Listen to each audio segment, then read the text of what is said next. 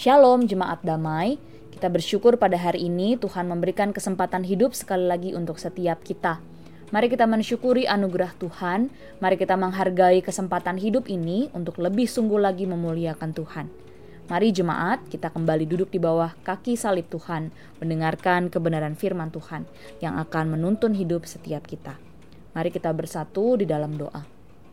Tuhan Yesus, terima kasih untuk anugerah Tuhan yang begitu besar untuk setiap kami. Kami bersyukur untuk hari yang baru yang Tuhan berikan.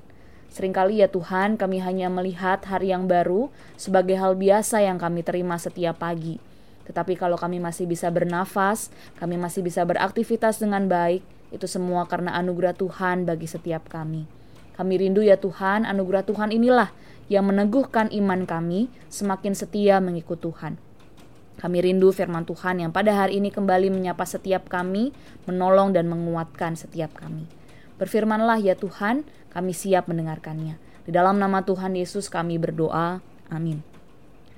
Bapak Ibu Saudara, firman Tuhan kita pada hari ini terambil dalam Markus 13 ayat 9 hingga ayat 23. Saya akan membacakan secara khusus ayat 9 hingga ayat ke-13 dan dilanjutkan ayat 21 hingga ayat 23. Bapak Ibu Saudara dapat memperhatikannya. Demikian firman Tuhan. Tetapi kamu ini, hati-hatilah. Kamu akan diserahkan kepada majelis agama dan kamu akan dipukul di rumah ibadat. Dan kamu akan dihadapkan ke muka penguasa-penguasa dan raja-raja karena aku sebagai kesaksian bagi mereka.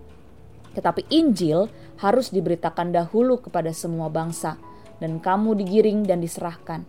Janganlah kamu khawatir akan apa yang harus kamu katakan, tetapi katakanlah apa yang dikaruniakan kepadamu pada saat itu juga, sebab bukan kamu yang berkata-kata, melainkan Roh Kudus.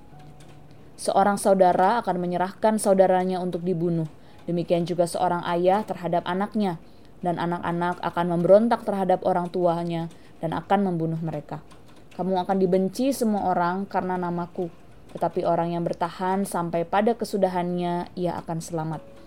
Pada waktu itu, jika orang berkata kepada kamu, "Lihat, Mesias ada di sini," atau "Lihat, Mesias ada di sana," jangan kamu percaya, sebab Mesias-Mesias palsu dan nabi-nabi palsu akan muncul dan mereka akan mengadakan tanda-tanda dan muzizat-muzizat dengan maksud sekiranya mungkin menyesatkan orang-orang pilihan. Hati-hatilah kamu, aku sudah terlebih dahulu mengatakan semuanya ini kepada kamu. Demikian pembacaan firman Tuhan. Bapak Ibu Saudara, tema perenungan firman Tuhan kita pada hari ini adalah waspadalah, waspadalah. Dalam perikop yang kita baca pada hari ini, Tuhan Yesus memperingatkan kepada murid-muridnya bahwa dalam mengikut Tuhan Yesus bukan berarti hidup mereka akan bebas dari pergumulan dan penderitaan. Di dalam pergumulan dan penderitaan hidup, bahkan mereka hadapi ketika mereka mengambil keputusan untuk mengikut Tuhan. Tapi Tuhan Yesus berkata di dalam perikop ini, berhati-hatilah, waspadalah, berjaga-jagalah, agar jangan sampai pergumulan, penderitaan itu membuat mereka justru meninggalkan iman mereka. Terlebih ketika ada begitu banyak orang yang menyesatkan mereka dengan pengajaran palsu yang tidak tepat sesuai dengan kebenaran firman Tuhan.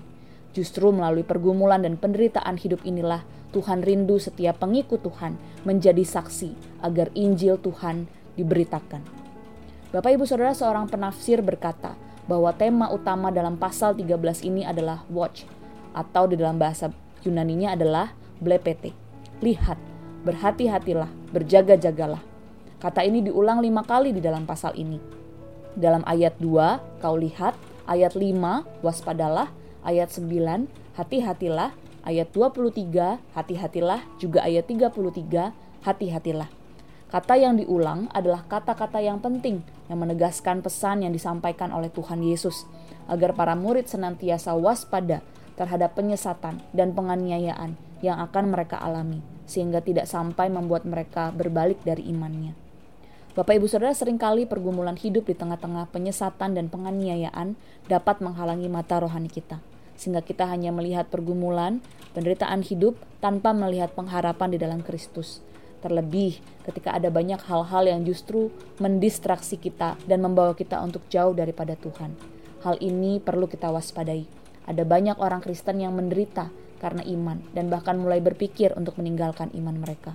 Waspadalah dan berhati-hatilah juga terhadap pengajaran-pengajaran palsu yang sering kali dibungkus dengan sangat rohani, seakan-akan mirip dengan apa yang Tuhan ajarkan, padahal hal itu tidak tepat. Hal itu sering kali menjatuhkan kita dan menggeser iman kita dari kebenaran yang sejati.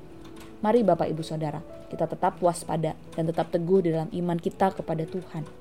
Mari tetap hidup di dalam kebenaran firman Tuhan, sehingga kita dapat memandang pergumulan dan penderitaan dengan kacamata iman di dalam Kristus, sehingga justru melalui hidup kita, kita bisa menjadi saksi bagi orang yang belum percaya kepada Tuhan. Kita memandang lurus kepada pengharapan yang sejati di dalam Tuhan Yesus Kristus, yang walaupun dalam kesulitan, walaupun berada di dalam pergumulan, ia tidak akan pernah meninggalkan kita. Ia tidak akan pernah membiarkan kita berjalan sendirian. Bagian kita adalah tetap waspada ketika kita menghadapi ajaran-ajaran yang tidak tepat, hal-hal yang semakin membuat kita jauh daripada Tuhan dan pikiran-pikiran yang tidak tepat. Mari Bapak Ibu Saudara, kita awasi diri kita sendiri. Penuhilah diri dengan kebenaran firman Tuhan, saling mendukung dan saling mendoakan saudara-saudara seiman kita agar kita semua tetap teguh di dalam iman dengan setia. Percayalah bahwa Tuhan Yesus selalu beserta dengan kita, menjaga langkah iman kita, dan anugerahnya selalu cukup untuk menolong setiap kita. Andalkanlah anugerahnya agar hidup kita tetap setia sampai Tuhan Yesus datang kedua kalinya. Waspadalah. Mari kita bersatu di dalam doa. Bapa kami dalam kerajaan surga, kami bersyukur ya Tuhan untuk kebenaran firman Tuhan yang sekali lagi menyapa setiap kami, mengingatkan setiap kami, untuk kami tetap teguh di dalam iman kami, meskipun ada begitu banyak pergumulan, ada begitu banyak penderitaan yang mungkin kami hadapi ketika kami mengikut Tuhan.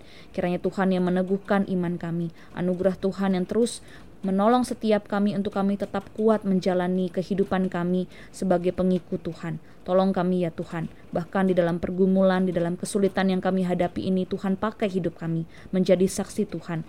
Bagaimana Tuhan menolong setiap kami dan menjadi berkat bagi orang-orang yang belum percaya kepada Tuhan. Bagi rekan-rekan kami, bagi keluarga kami, di mana pun kami berada, kami memuliakan nama Tuhan. Tolong kami ya Tuhan, jaga hidup kami. Di dalam nama Tuhan Yesus, kami berdoa dan mengucap syukur. Amin. Selamat beraktivitas Bapak Ibu Saudara. Tuhan Yesus memberkati.